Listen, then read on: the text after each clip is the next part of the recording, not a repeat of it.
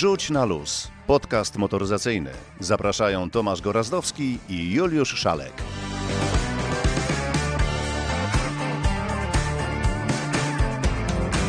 Dzień dobry, dobry wieczór. W końcu nie wiadomo kiedy to pójdzie. Już w nastroju poświątecznym, ale jeszcze ciągle w przednoworocznym. No i zobaczymy, co nam ten nowy rok przyniesie. Szczerze mówiąc, jestem całkiem ciekawy. Drogi Juliuszu, co dziś e, przed nami? Zanim o tym, co przed nami, witam Państwa, witam Ciebie. Ja chciałem podzielić się Cóż za taką refleksją. Kurtuazja. Miałem sen. Wiesz, co mi się śniło? Wcale nie nowy model jakiejś niesamowitej marki. I had a dream. Tak, śniło mi się, że dostałem mandat y, z fotoradaru i naprawdę pamiętam oczyma wyobraźni sennej ten moment, kiedy flash błyska mi w oczy. A to tylko żona dokumentację robiła na potrzeby nie wiadomo czego.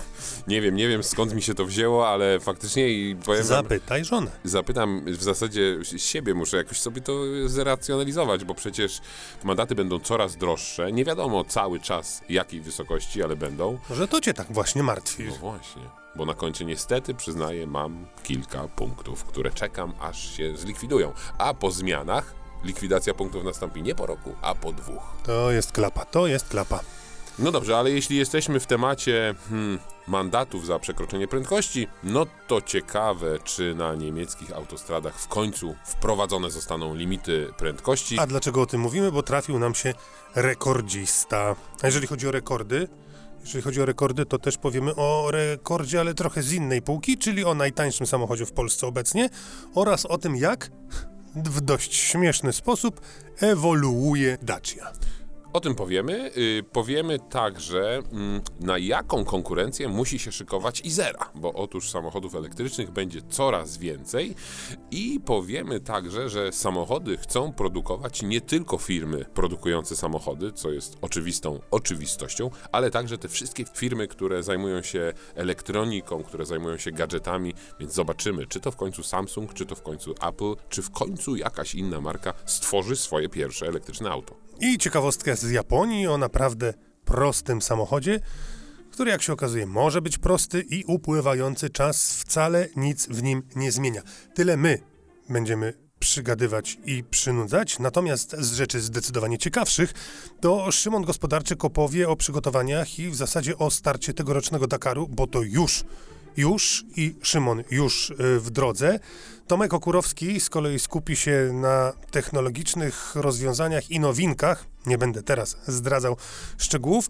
No i uśmiechamy się jak zwykle do miłośników y, dwóch kółek. Co wy o tych motocyklach, skoro na dworze śnieg, ale my właśnie w związku ze śniegiem i motocyklami oraz na koniec nasz test. No to zacznijmy. No to ruszamy. Od czego zaczniemy? No oczywiście, od rekordu. Bo otóż mamy rekordzistę, okazuje się nim czeski miliarder, który na niemieckich autostradach rozpędził swojego Bugatti Veyrona. Zgadnij do jakiej prędkości. 372 km na godzinę. 372 km to na Marszałkowskiej z kawą w jednej ręce. Rekord teraz, nieoficjalny oczywiście, bo to nie są rekordy oficjalne, to jest 414 km na godzinę. Wyobrażasz to sobie? No, słabo. Jechałem 430 kiedyś, ale pociągiem. No właśnie, a tutaj masz kierownicę w ręce, drzewa naprawdę migają bardzo szybko, ale ja bym chciał przypomnieć o jednej rzeczy, bo w Polsce też istnieje oficjalny wynik, y, rekord prędkości i to jest rekord prędkości, w którym maczałem swoje palce. Bo otóż w wysokich obrotach, ty pewnie pamiętasz taki tygodnik, dodatek do Gazety Wyborczej, wiele, wiele lat temu zorganizowaliśmy właśnie rekord prędkości, to było 361,92 km na godzinę. Pojechał z taką prędkością Piotr Dobrowolski w 1250-konnej Toyocie Suprze. Samochód był zmodyfikowany oczywiście i przeznaczony... 360 km na godzinę Suprą? Tak, zmodyfikowaną, A pytanie to... jest jeszcze gdzie? Ha! I to jest najciekawsze, bo nie był to żaden odcinek y, Słonego Jeziora, bo wiadomo, że w Polsce takich nie ma. Była to autostrada A2, ale od razu uspokajam wszystkich, zamknięta, mieliśmy stosowne pozwolenia, stosowne zgody, na miejscu była straż pożarna, na miejscu był śmigłowiec, który to wszystko filmował, na miejscu była też policja. I najciekawsze było to, że założyliśmy sobie, że policja będzie mierzyła tę prędkość. A policja się chciała ścigać. Nie, przy 200 przyznali, że ich sprzęt po prostu nie dawał rady. A to było no jakieś dobre 10 lat temu. Więc wtedy y, prędkość, która została zmierzona GPS-em to było 361. Sam miałem okazję zamknąć licznik w korwecie Z06 przy 320 km na godzinę i jeszcze dało się jechać szybciej tym samochodem. No, powiem wam, że drzew tam nie było, ale wiadukty migają jak naprawdę słupki takie drogowe. Bardzo to wszystko się dzieje szybko. Mm, A teraz 414, no powiem, że ta prędkość to jest naprawdę niewyobrażalna. Taki padł rekord. Po to są właśnie samochody pokroju Bugatti, żeby jeździć taką prędkością. Przypomnę tylko, że 1500 koni ma takie auto. No i w zasadzie mogłoby jeszcze troszeczkę się rozpędzić. I sporo kosztuje, podobnie jak samochody, które startują w rajdzie Dakar. One nie muszą rozwijać tam zawrotnych prędkości, ale mają w sobie to coś, co powoduje, że z milionami euro po taki samochód się człowiek wybiera. Ja bym chciał tylko jedno, żeby dobrze wybrzmiało. No oczywiście nie pochwalamy takich prób bicia rekordów prędkości na publicznych drogach. My tę drogę mieliśmy zamkniętą. Czech na niemieckich autostradach niestety nie, ale wiadomo, że na niemieckich autostradach póki co można jeszcze tak szybko jeździć. A wracając do Dakaru, tam oczywiście szybko aż tak nie jeżdżą, ale za to jest pewnie kilka razy ciekawiej, a adrenalina jeszcze większa. Szymon Gospodarczyk, jeden z pięciu Polaków, którzy stawali na podium rajdu Dakar, jest już w Arabii Saudyjskiej. Rozmawiałem z nim tuż przed wyjazdem o szansach, o nadziejach, o ciekawostkach związanych z tegorocznym Dakarem. Trzeba pamiętać, że w zeszłym roku zajęliśmy czwarte miejsce. No i teraz apetyty wiadome, apetyt rośnie w miarę jedzenia. Zostały trzy miejsca do pobicia, więc jedziemy po to, żeby zrobić jak najlepszy wynik, jaki możemy tak naprawdę. Ale no nie ukrywam, że chcielibyśmy wjechać na to podium, aczkolwiek trzeba pamiętać, że to jest Dakar i trzeba mieć do tego wielką pokorę. To są dwa tygodnie ścigania, chociażby przykład Krzysztofa Hołowczyca pokazuje, że wiele razy startował w tym rajdzie, a, a tylko raz był na jego podium i to wcale nie jest właśnie takie oczywiste, więc my będziemy robić wszystko, żeby pobić ten zeszłoroczny rekord, czyli czwarte miejsce, co będzie, to będzie. Aczkolwiek jesteśmy mocni, bo zrobiliśmy bardzo dobre przygotowanie. W tym sezonie przejechaliśmy trzy takie mocne rajdy, zrobiliśmy ponad 8000 km, więc jesteśmy naprawdę, czujemy się dobrze i czujemy się też e, dobrze w Arabii Saudyjskiej, bo tam dwa tygodnie temu jechaliśmy w rajdzie Hail, gdzie no, gdyby nie awaria samochodu, to szło nam bardzo dobrze i, i myślę, że czujemy się właśnie mocni na ten rajd. Mówisz czwarte miejsce rok temu. Czego zabrakło, żeby było podium? Czy jechaliście na 100%, wszystko wychodziło i to starczyło na czwarte miejsce? Przypomnij, czy też były takie sytuacje, które gdyby się nie wydarzyły, to podium by było? No właśnie to jest trochę tak, to co powiedziałeś na początku w poprzednim pytaniu, że trzeba to trochę wyważyć, a w zeszłym roku mój kierowca nie był doświadczony w Dakarze, może nie słuchał do końca moich rad na samym początku przez pierwsze dwa etapy i tam straciliśmy bardzo dużo. Straciliśmy myślę z półtorej godziny na tych dwóch etapach, a po tych dwóch etapach wyciągnął wielkie wnioski i zaczął jechać tak jak, y, tak jak należy, tak jak żeśmy sobie to założyli wcześniej. No i dzisiaj mówi, że żeby miał taką wiedzę w zeszłym roku, to byśmy pewnie wygrali ten rajd, no ale teraz jedziemy dopiero z tą wiedzą. Czwarte miejsce to też był taki splot wydarzeń, że nam szło dobrze właśnie później, a innym zaczynało się pogarszać, na przykład Czaleko Lopez, który wygrał ten rajd, miał problem na wydmach, musiał wymieniać y, piastę i zwrotnicę, więc stracił 50 minut, więc my trochę zyskaliśmy, dlatego tak trochę doganialiśmy tą czołówkę. No ale no to jest po prostu czwarte miejsce, dlatego nie wygraliśmy, że nie mieliśmy doświadczenia, ale też dlatego zajęliśmy wysokie czwarte miejsce, bo w miarę szybko mój kierowca wyciągnął wnioski, posłuchał mnie i zrobiliśmy to, co trzeba. No to powiedz teraz coś o kierowcy, o zespole, o samochodzie, bo to ważne. Technika się zmienia, konstrukcje również. Yy, Jak jedziecie, w jakiej konfiguracji, czym jedziecie? No i jak zmienił się kierowca, bo o nim mówimy, sam wspomniałeś, 8000 km przejechanych, kilka poważnych rajdów i 365 dni za nim, za tobą, za wami. Jadę z Michałem Goczałem, Energylandia Rally Team. To jest jakby wielki rodzinny team. W naszym teamie startuje też brat Marek Goczał z Łukaszem Łaskawcem, także mamy dwa samochody. Yy, Samochód ten sam, czyli Canam Maverick, yy, to jest ta sama broń, którą jechaliśmy w zeszłym roku. Klasa T4 w tym roku to będzie się nazywał SSV. Będzie podział jakby na, na te lekkie samochody. Mamy w konkurencji chyba 54 samochody, także naprawdę jest z kim walczyć. Na pewno wyciągnęliśmy, tak jak mówię, wnioski. Michał przede wszystkim zrozumiał, o co chodzi w tym Dakarze, że, że nie trzeba wygrywać każdego, każdego etapu. Ważne, żeby przyjeżdżać w pierwszej piątce każdy etap, nie tracić do zwycięzcy więcej niż sekunda na kilometrze do zwycięzcy danego etapu. I to jest po prostu sukces murowany, aczkolwiek za tym wszystkim stoi jeszcze to, że musimy jechać bezawaryjnie, a Z tym są wielkie problemy na Dakarze, o tym trzeba pamiętać, że to jest 8000 km do pokonania i, i ten samochód w każdej chwili może, może odmówić posłuszeństwa. My oczywiście wymieniamy te części co dwa dni, dbamy o samochód jak tylko możemy, aczkolwiek nie zawsze to wystarcza. Ważne też jest bezbłędna nawigacja, żeby jak najmniej y, czasu tracić na szukanie dróg właściwych, więc tutaj ja będę musiał się na tym mocno skupić, ale też y, podczas tych trzech ostatnich rajdów dopracowaliśmy to, jak Michał może mi pomagać, jak może mi pomagać szukać dróg, y, w których momentach zwalniać, kiedy jest bardzo, bardzo trudna nawigacja, żebym ja szybciej mógł się odnajdywać.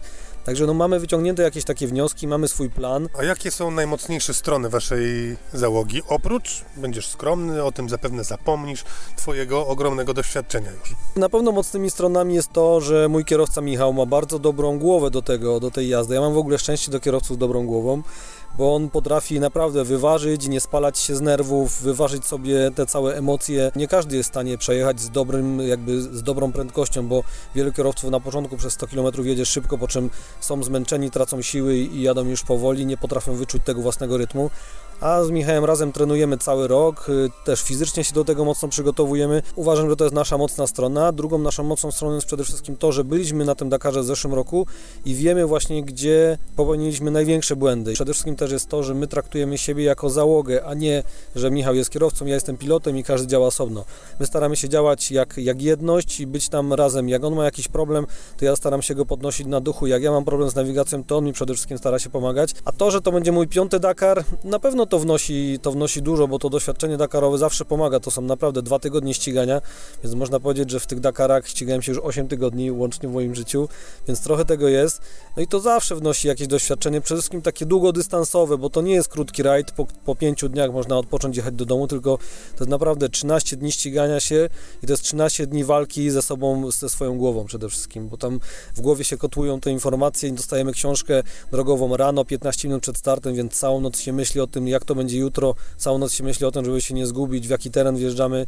No to jest wiele rzeczy do, do opanowania, ale no przez te 4 lata myślę, że trochę je już opanowałem. 13 dni naprawdę ciężkiego ścigania i tam przecież wszystko się może wydarzyć. Ja śledzę od pierwszego etapu do ostatniego. No jak chłopcy wrócą z Dakaru, to na pewno i o Dakarze więcej będzie. Ja na pewno zapytam ich, czy gdzieś tam widzieli w oddali albo we wstecznym luster lusterku, jak wyprzedza ich i dochodzi z niesamowitą prędkością elektryczne Audi, bo mówiąc o Dakarze, trzeba także wspomnieć, że oprócz samochodów spalinowych, oprócz tych wszystkich buggy konstruowanych y, na specjalnie tylko ten rajd, to zaczynają jeździć samochody elektryczne i Audi jest pierwszą marką, która chce właśnie udowodnić, że elektryk, czy technologia samochodów elektrycznych daje radę. Ale to nie jest taki stricte elektryk od A do Z. Nie, to No nie właśnie. jest elektryk od A do Z, tam jest silnik spalinowy, który jest generatorem prądu, no bo przy takiej temperaturze, przy takich osiągach i przy takich odległościach, no niestety elektryczność ma gdzieś tam ten kabelek, który musicie ciągnąć za autem. Tydzień temu Kuba Przygoński mówił o tym, że tak na dobrą sprawę to oni nie wiedzą, jak te samochody hybrydowe de facto Audi będą się spisywać, bo one nigdy wcześniej e, nie spotkały się na przykład z jego bagi czy z Toyotą e, Nasera Alatiyaha w boju w ciągu ostatniego roku. Wszyscy startowali, natomiast każdy gdzie indziej. W związku z tym Dakar będzie pierwszym miejscem, gdzie wszyscy spotkają się, no i wtedy będzie można powiedzieć, jak to coś jeździ. W każdym razie na przykład bagi Kuby Przygońskiego jest o 400 kg lżejsze. A wiadomo, że samochody elektryczne bywają cięższe, ale ten moment i ta moc jest zdecydowanie większa. No i pytanie, Tyle czy na piachu potrzebna, No, aż taka. Dokładnie. No i pytanie, czy gdzieś tam jakiś słupek z szybkiego ładowania będzie można znaleźć. Ale jedno jest pewne. Audi zrewolucjonizowało rajdy samochodowe, wpro- wprowadzając swego czasu napęd Quattro. Teraz chce taką samą rewolucję przeprowadzić z samochodami, no może nie czysto elektrycznymi, ale technologią elektryczną. No tak, ale chce, nie chce, nie będzie miało e, wyjścia. W zasadzie wychodzi przed szereg, bo wiadomo jest, że za jakiś czas na Dakarze będą jeździły samochody wyłącznie elektryczne, oprócz tych takich klasyków staroci. No ale to wszystko przed nami.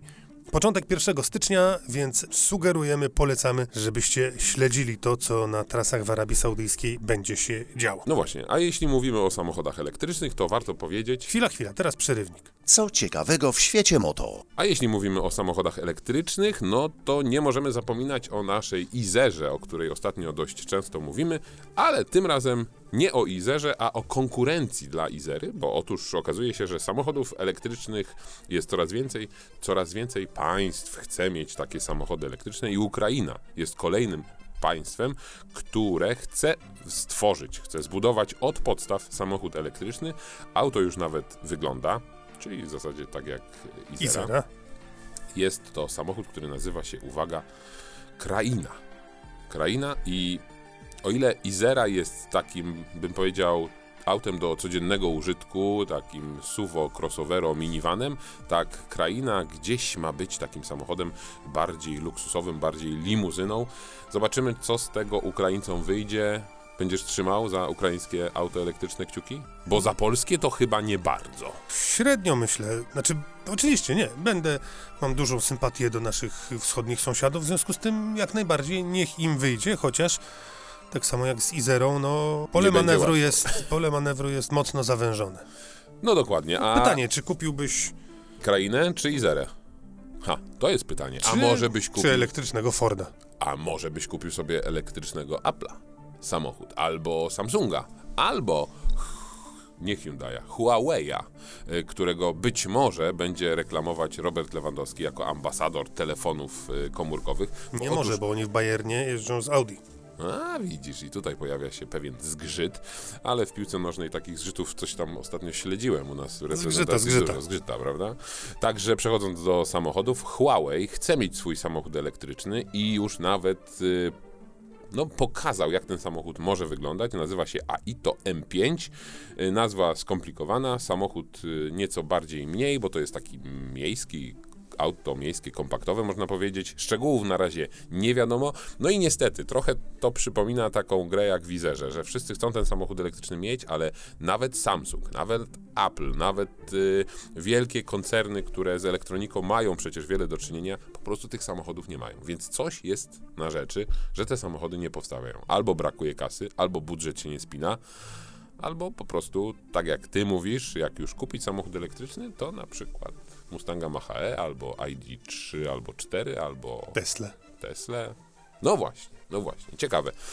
A tak swoją drogą kupiłbyś takiego Huawei'a, czy raczej byś Nie, zostawił nie, ja przy jestem, telefonie? ja jestem przy Samsungu. Ja od lat No. używam Samsunga, więc chyba zostanę przy Samsungu. Swoją drogą, myślę, że producenci tych samochodów, ci od Samsunga, od Apple'a czy od Huawei'a, na pewno robili, albo robić będą, ale chyba zrobili takie badania, jak lojalność do aparatów telefonicznych może przekładać się na lojalność do kupowania samochodów, bo tak jak ja mówię, ja jestem przyzwy- przyzwyczajony do Samsunga, jestem w rodzinie Samsunga i daleko obchodzę łukiem tych, co są w rodzinie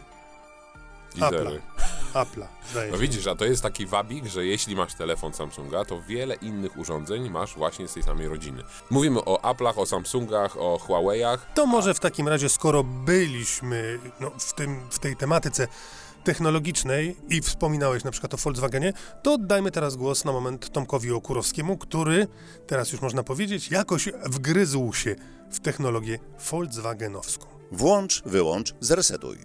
O technice Tomasz Okurowski. Najchętniej kupowany samochód w Europie przez ostatnie kilka lat doczekał się modernizacji. Zdziwieni? Hm. W końcu mowa o nowym Volkswagenie Golfie, Golfie ósmej generacji, czyli samochodzie, który jest z nami na rynku zaledwie od dwóch lat. Auto bowiem miało swoją premierę w 2019 roku, a ściślej pod koniec 2019 roku. Czego można się spodziewać nowego w samochodzie, który jest z nami tak krótko na rynku? Otóż okazuje się, że modernizacja przebiegła pod hasłem czy w myśl zupełnie nowej strategii Volkswagena, gdzie koncern deklaruje, że w końcu zaczyna się zdecydowanie bardziej wsłuchiwać w głosy klientów. Co zatem można modernizować? Hm, nie trudno zgadnąć. Przede wszystkim zmienia się to, na co klienci narzekają najbardziej. A na co narzekano w przypadku Golfa? No cóż, wystarczy poczytać różnego rodzaju fora użytkowników marki, jak i grupy na portalach społecznościowych, takich jak Facebook, by przekonać się, że narzekano przede wszystkim na jedno na pokładową elektronikę.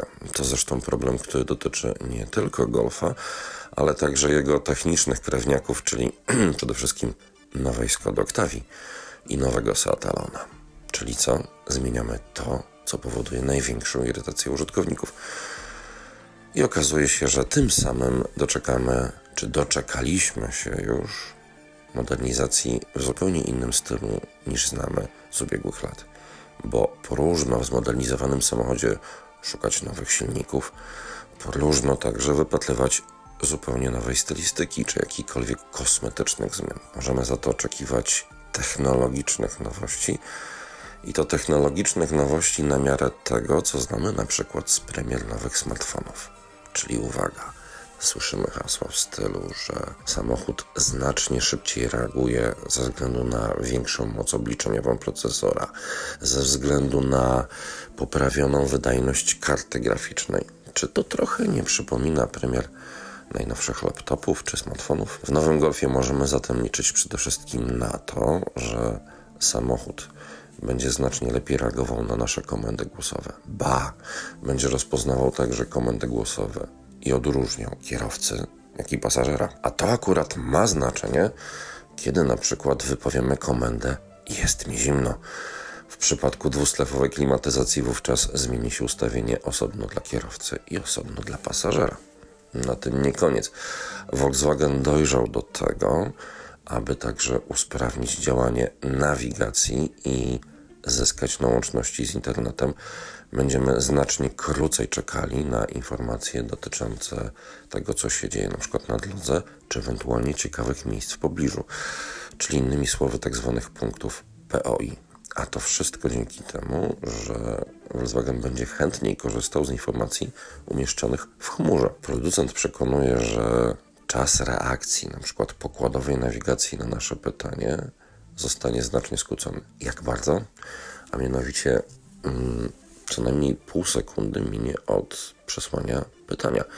A na odpowiedź doczekamy w, cie, w ciągu kolejnej sekundy, czyli właściwie kilka mrugnięć okiem i mamy informację o tym, czy gdzieś pobliżu na przykład znajduje się atrakcyjna restauracja, czy ewentualnie znajdziemy jakiś dogodny parking, dogodny w sensie położony jak najbliżej miejsca, do którego chcemy dotrzeć. To jest dopiero początek, dlatego że Volkswagen przekonuje, że w ciągu najbliższych lat czekają nas kolejne zmiany, jeżeli chodzi o pokładową elektronikę.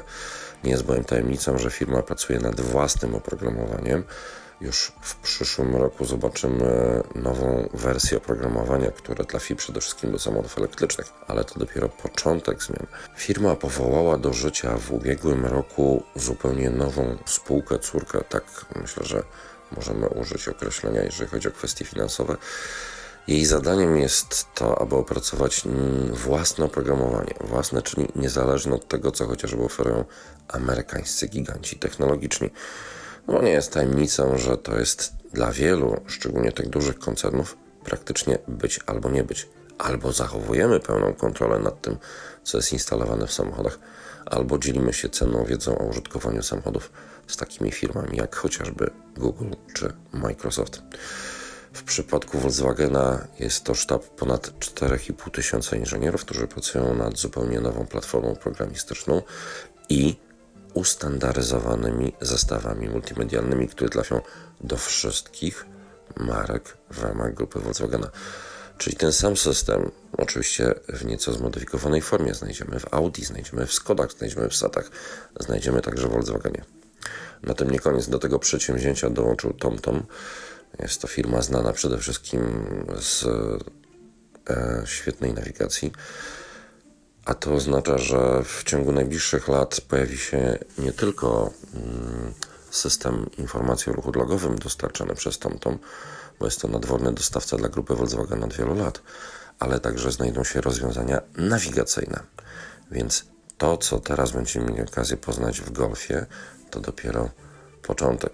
Przy okazji tego, że będzie szybciej, że będzie lepiej, ma być także stabilniej.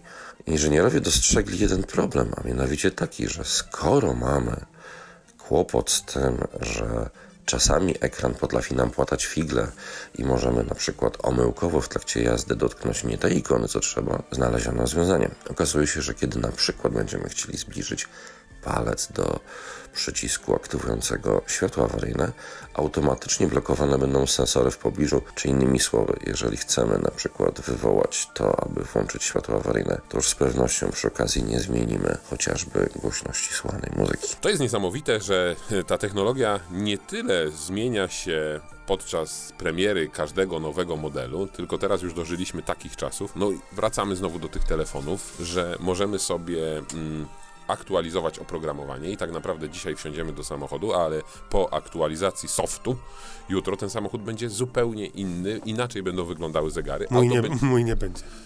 Twój nie będzie, ale te wszystkie nowe samochody, jak na przykład Volkswagen ID3 czy ID4, bo one przecież już potrafią aktualizować swoje oprogramowanie i wydaje mi się, że producenci dążą do tego, żeby zacząć od nas wyciągać drobne kwoty za różnego rodzaju usługi, które będziemy mogli sobie niejako kupować na żądanie. No bo wyobraź sobie, jedziesz sobie No takim... ale Ameryki nie odkryłeś, no to już się przecież dzieje od jakiegoś No czasu. właśnie, no właśnie, ale dzisiaj jeszcze no to jest takie raczkujące. Jeszcze nikt nie powiedział tak naprawdę z producentów, słuchaj, chcesz dodatkowe 50 koni, Chcesz proszę utrzymać nawigację po darmowym roku?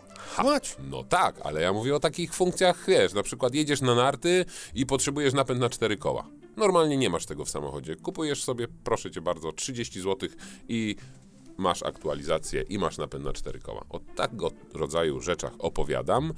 Yy, no o rzeczach, które już tak naprawdę w świecie telefonii już są chyba dostępne, nie? No, a jeśli opowiadamy o mm, markach samochodów elektrycznych samochodach elektrycznych, to zajrzyjmy na chwilę do kącika znikających modeli, bo tutaj też wiele się dzieje, o tym informujemy i co prawda nie dotarliśmy do informacji, że jakiś model teraz znika i, i przestanie być produkowany, ale Hyundai ogłosił, że znika cały dział R&D silników spalinowych. Hyundai nie będzie rozwijał już takiej technologii. I jednego dnia pojawiła się taka informacja. No ale drugiego- dziwisz się, no skoro ma nie być spalinowców, to po co silniki spalinowe? Do kosiarki? No dokładnie, chociaż zaraz ci jedną rzecz powiem i wam wszystkim słuchaczom, ale po kilku dniach Hyundai ogłosił, że zaczyna mocniej rozwijać technologię wodorową. Jednak, jeżeli widzisz, coś tutaj jest na rzeczy. No przecież pracowali nad technologią wodorową od dawna, mają Tak. wodorowy samochód, więc... Tak, i teraz już będzie tak naprawdę trzecia generacja tej technologii, yy, więc tutaj zaczyna się ruch nie tylko w sferze samochodów elektrycznych, ale właśnie także tych yy, wodorowych. A jeśli mówiliśmy o rozwoju silników spalinowych i tak sobie lekko powiedziałeś, że skoro 2035 to jest śmierć silnika spalinowego, to otóż chciałbym Ci powiedzieć, że ten Volkswagen, który przestawił wajchę na samochody elektryczne jakiś czas temu, Wypuścił silnik e, diesla, czy tak zmodyfikował silnik diesla, by mógł on spalać nie tylko olej napędowy, ale paliwo nowej generacji. Bardziej ekologiczne, bardziej e, paliwo, które pochodzi z. No właśnie, skąd pochodzi? Z oleju frytkownic i innego rodzaju takich rzeczy, gdzie ten olej może posłużyć jako paliwo. No to już też No, było. To też jest, ale rozwijana jest ta technologia. Volkswagen nie mówi koniec i nie ma tej technologii, tylko gdzieś tam dochodzą do nas informacje, że cały czas wszystkie firmy kombinują, jak tu jeszcze sprawić, żeby ten silnik spalinowy żył. To nie służy uproszczeniu całego tutaj świata motoryzacji, bo ja cały czas powtarzam, że to jest pewna gra, którą podjęły firmy produkujące samochody z regulatorem, czyli z Unią Europejską w przypadku y, tutaj obszaru, gdzie żyjemy, bo to Unia Europejska nakłada różnego rodzaju obostrzenia, a firmy motoryzacyjne muszą się w tym y, no po prostu odnaleźć od nowa, ale nie, nie, nie zapominajmy o tym, że Europa nie jest pępkiem świata i oprócz Europy samochody sprzeda Unii Europejskiej tak naprawdę, samochody sprzedaje się na całym świecie. Na całym świecie w różnych regionach obowiązują różnego rodzaju obostrzenia i to nie jest prawdą, że po 2035 roku na całym świecie nie będzie można rejestrować nowych samochodów spalinowych. Więc nie wyobrażam sobie, aby taki gigant jak Volkswagen albo taki gigant jak Toyota w 2035 roku powiedzieli nie, nie mamy silników spalinowych. Nie, bo na przykład w Rosji, bo na przykład w Brazylii, bo na przykład w Indiach, gdzie samochodów sprzedaje się zdecydowanie więcej niż w całej Europie, takie samochody będą, takie samochody będą się sprzedawały. Nie wyobrażam sobie, by prezes jakiejś wielkiej firmy powiedział: Nie, nie chcemy tam sprzedawać samochodów. Wrzuć na luz. Skorzystaj ze sprzęgła. Czy trzeba coś y, zmieniać? Możemy zadać sobie pytanie. bo jest taki model samochodu, jest taki model powiedzmy szczegółowiej Toyoty, który od dłuższego czasu produkowany jest w niezmienionej formie Niemal. i okazuje się, że, że można. Jest na to popyt, no a konstrukcja, choć prosta, to się sprawdza. Toyota Probox, bo o tym aucie mówimy. Tak, to jest prosty samochód, który y, no, już ma 20 lat na karku. Oczywiście on przechodzi pewną modyfikację, pewne modyfikacje, jakąś tam ewolucję, ale wygląda tak samo paskudnie jak w chwili debiutu. Jest prosty do bólu. Jedyne co zmieniono, no to oczywiście wykorzystano układ napędowy, czyli silnik benzynowy y, 1.3 albo 1.5. To jest układ hybrydowy ze skrzynią bezstopniową, ale samochód jest prosty przez co tani, no i znowuż w Europie nie miałby racji bytu, bo nie spełniłby różnego rodzaju norm, które wprowadza regulator. I świetnie, że o tej Toyocie powiedziałeś. Ale swoją drogą produkcja od 20 lat w niezmienionej formie, no w zmienionej to w sposób znaczny, no bo jeżeli zmienili cały system napędowy, no to Tak, ale jakbyś zobaczył ten samochód, a zresztą możesz sobie zobaczyć. taka kostka. Taka kostka. Znamy ją. Y, No właśnie, y, zwróć uwagę na licznik. Y, Dzisiaj wszyscy chwalą się tymi ciekłokrystalicznymi ekranami przed oczyma kierowcy, a tam jest po prostu jeden zwykły analogowy zegarek i tyle. Więc to pokazuje, że popyt na proste samochody, niedrogie samochody cały czas jest. I tak przechodzimy do następnego tematu, czyli do Daci. Uwaga, sygnał. Na luzie. Pogadajmy. przechodzimy do Daci, która no od 15 lat, jak mówi jej obecny prezes, przeszła daleką drogę z samochodu budżetowego, no właśnie, do jakiego samochodu? Do kolejnej marki samochodów, jakich na rynku wiele? Na to wygląda, skoro prezes tak mówi, chociaż zastanawialiśmy się przed chwilą, czy, czy w tę stronę powinni zmierzać. Bo to jest pytanie, jaka marka, jaka ona ma być w dłuższej perspektywie. Do tej pory wydawało mi się, że Dacia, jakby takim największym argumentem Daci jest to właśnie, że to jest prosty samochód, nieskomplikowany, niewyposażony w te wszystkie bajery i gadżety, których no może ktoś akurat nie potrzebuje. Może nie potrzebujesz oświetlenia ambientowego, może nie potrzebujesz elektrycznych... Znowu z tym oświetleniem. Tak, bo uważam, że to jest beznadziejny gadżet, po prostu niepotrzebny nikomu.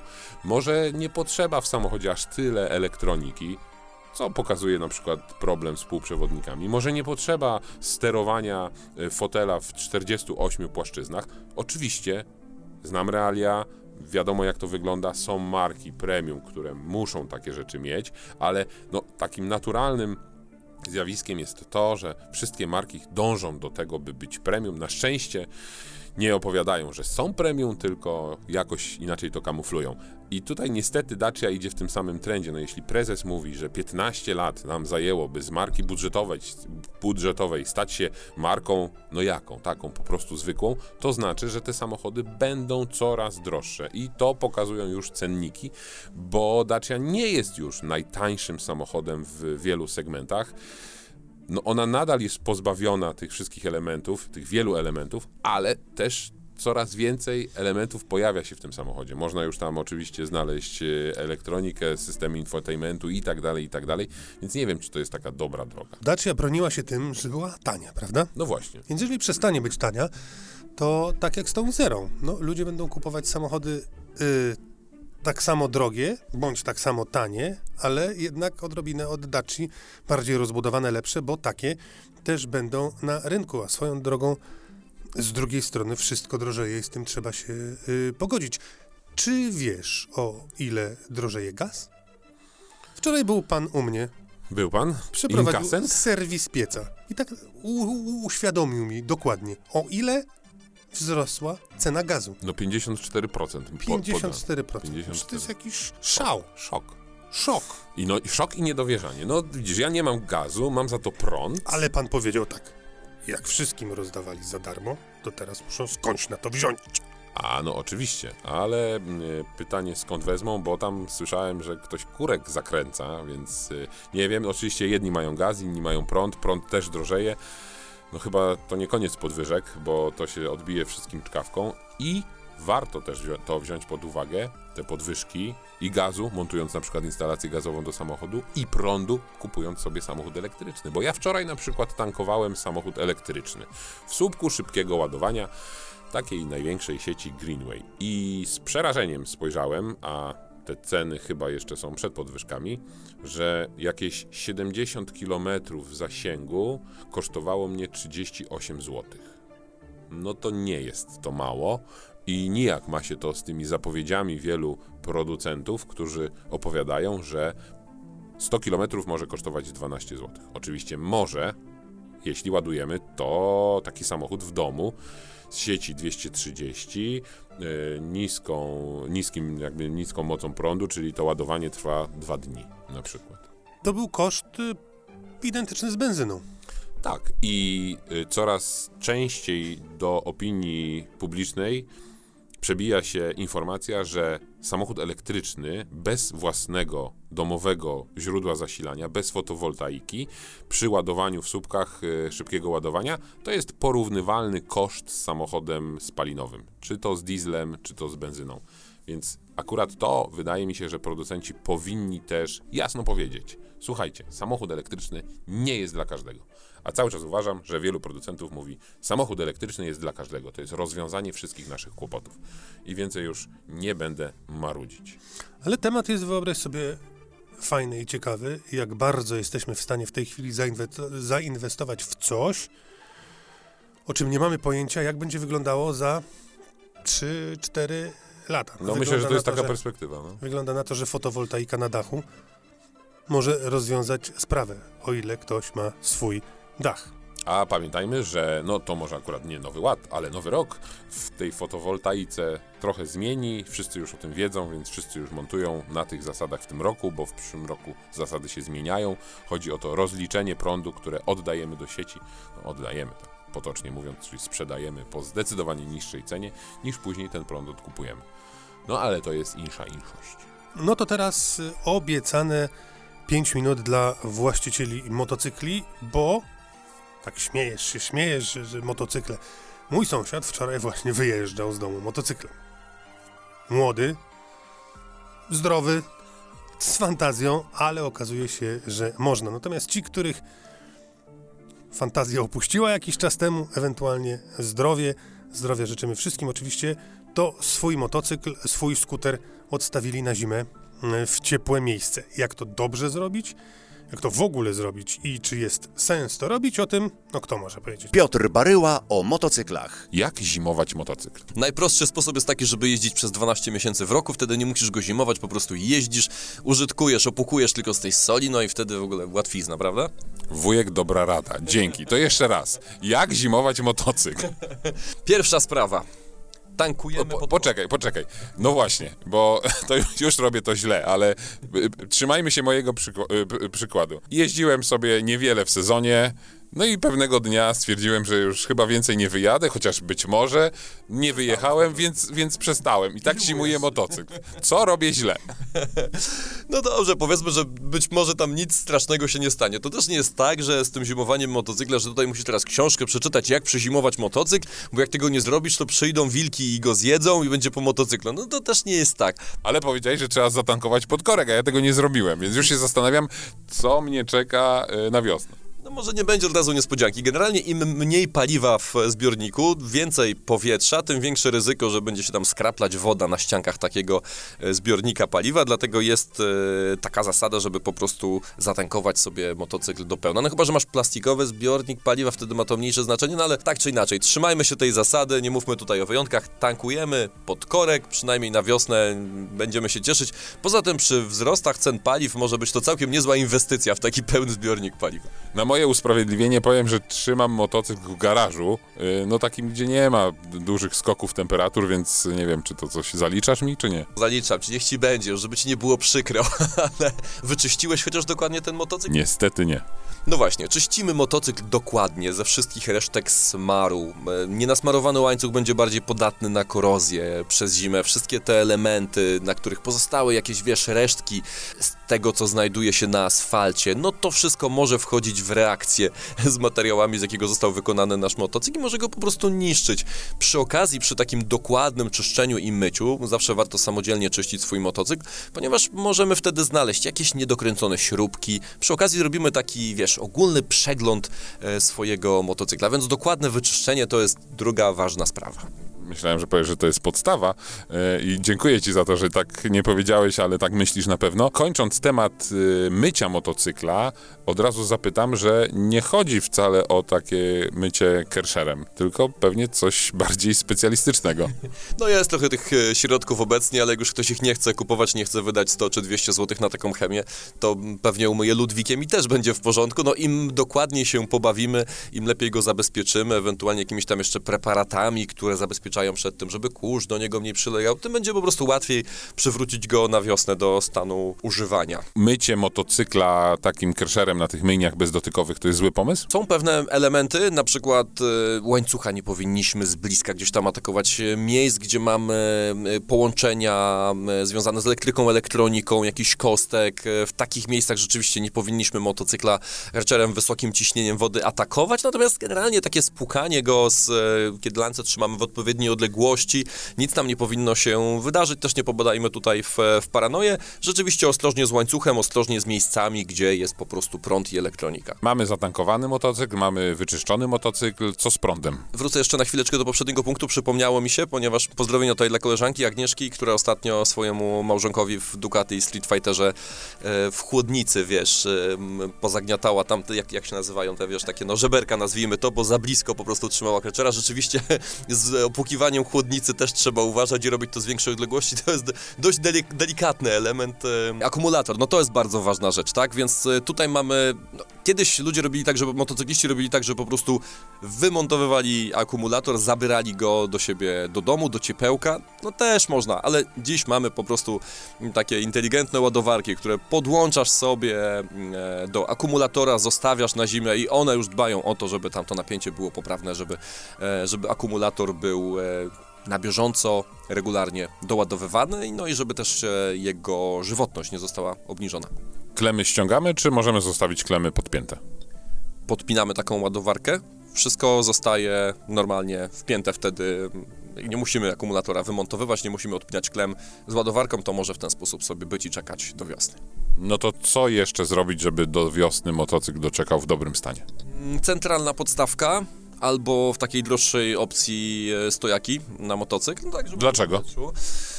No niektórzy twierdzą, że opony się odkształcają. Ja nigdy się z tym nie spotkałem, żeby opony mi się odkształciły, ale rzeczywiście jest taka zasada. Możemy troszeczkę podnieść ciśnienie w, ogum- w ogumieniu, możemy zrobić tak, żeby ten ciężar gdzieś tam nie spoczywał. Niektórzy, jak już nie mają centralnej podstawki, nie mają stojaków, to po prostu przetaczają sobie ten motocykl tam co, co dwa tygodnie, żeby nie stał przez kilka miesięcy w tej samej pozycji. Odpalać, przepalać co jakiś czas, nie jeździć, ale uruchomić silnik, czy nie? Doskonałe pytanie, czekałem aż je zadasz, bo o tym się dużo mówi, rzeczywiście niektórzy lubią sobie zejść do garażu, posłuchać swojego motocykla, albo jak jest impreza na przykład, no to zejść, pokazać kumplom, jak fajnie ten nowy wydech brzmi.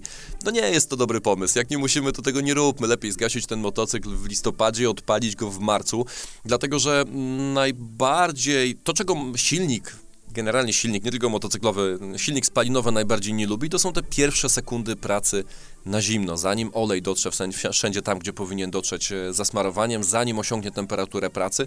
To jest najbardziej niezdrowy mm, etap pracy silnika, no więc po co mamy go powtarzać wielokrotnie podczas tej zimy, po co mamy go narażać? Jeśli już koniecznie, jeśli już odpalimy ten silnik, bo coś nas podkusi, no to rozgrzejmy go do temperatury pracy, bo jak tego nie zrobimy, no to znowu świece cierpią, więc generalnie lepiej, nie, lepiej tego nie robić. Ostatni temat, wymiana oleju. Tutaj też pytanie, czy na zimę, czy na wiosnę. Są dwie szkoły. Ja uważam, że lepiej wymienić ten olej e, na zimę, tak aby motocykl stał już na świeżym oleju, a nie na tym przepracowanym, w którym, który no, po prostu nie jest czysty, jest w nim masa e, zabrudzeń i zanieczyszczeń. Zima jeszcze trochę potrwa i ostatnia porada już naprawdę na zakończenie, jeżeli chcecie serwisować swój motocykl, nie chcecie właśnie wymienić olej, coś tam jeszcze przy nim ewentualnie porobić, nie czekajcie do wiosny, kochani, bo wtedy się zaczynają potworne kolejki w warsztatach, w serwisach. W tym momencie serwisy po pierwsze robią to sprawniej, mogą poświęcić na wasz motocykl więcej czasu, mogą to zrobić nawet taniej, a nawet niektóre oferują usługę taką door to door, że zabierają wasz motocykl, serwisują go, odwożą wam go do domu, dlatego że oni nie mają teraz co robić. Teraz jest zima, to jest najlepszy czas na serwisowanie motocykla, a nie w marcu, wtedy, kiedy będą to robić wszyscy. A na koniec w teście Volvo XC60. Samochód w swojej klasie niektórzy twierdzą, że wzorzec. Ale nie ten Sewr. Prawie właśnie jak Sewr, tyle że y, z Göteborga. To zanim oddam Tobie głos i będziesz opowiadał o Volvo XC60, to ja tylko na sam koniec, bo trochę o tej zimie mówiliśmy, powiem, że nie warto jeździć na bałwana albo na czołgistę, czyli koniecznie trzeba... I na letnich oponach. No za to akurat mandatu nie ma.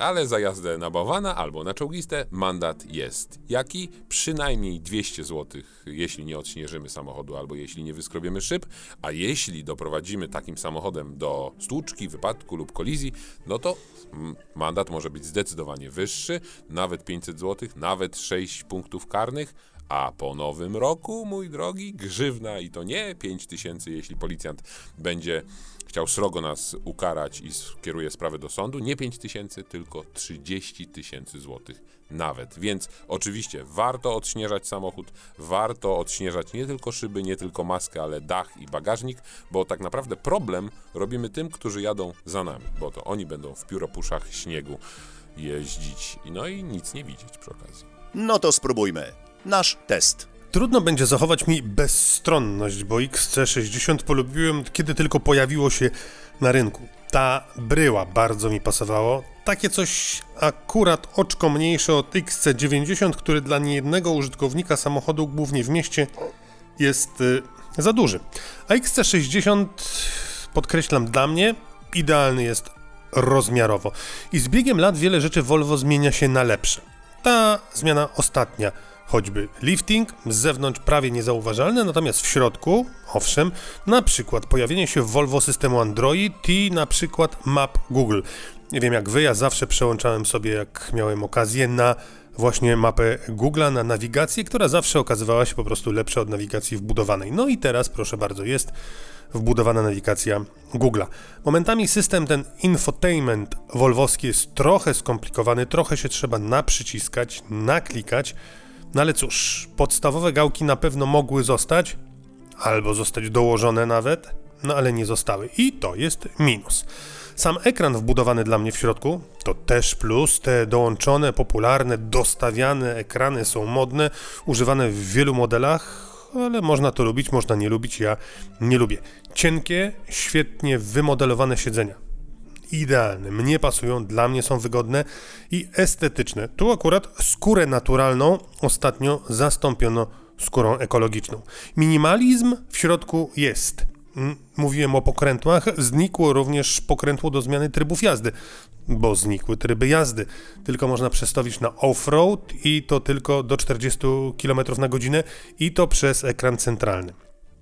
Aktywny tempomat zamiast na kierownicy też jest sterowany z konsoli centralnej.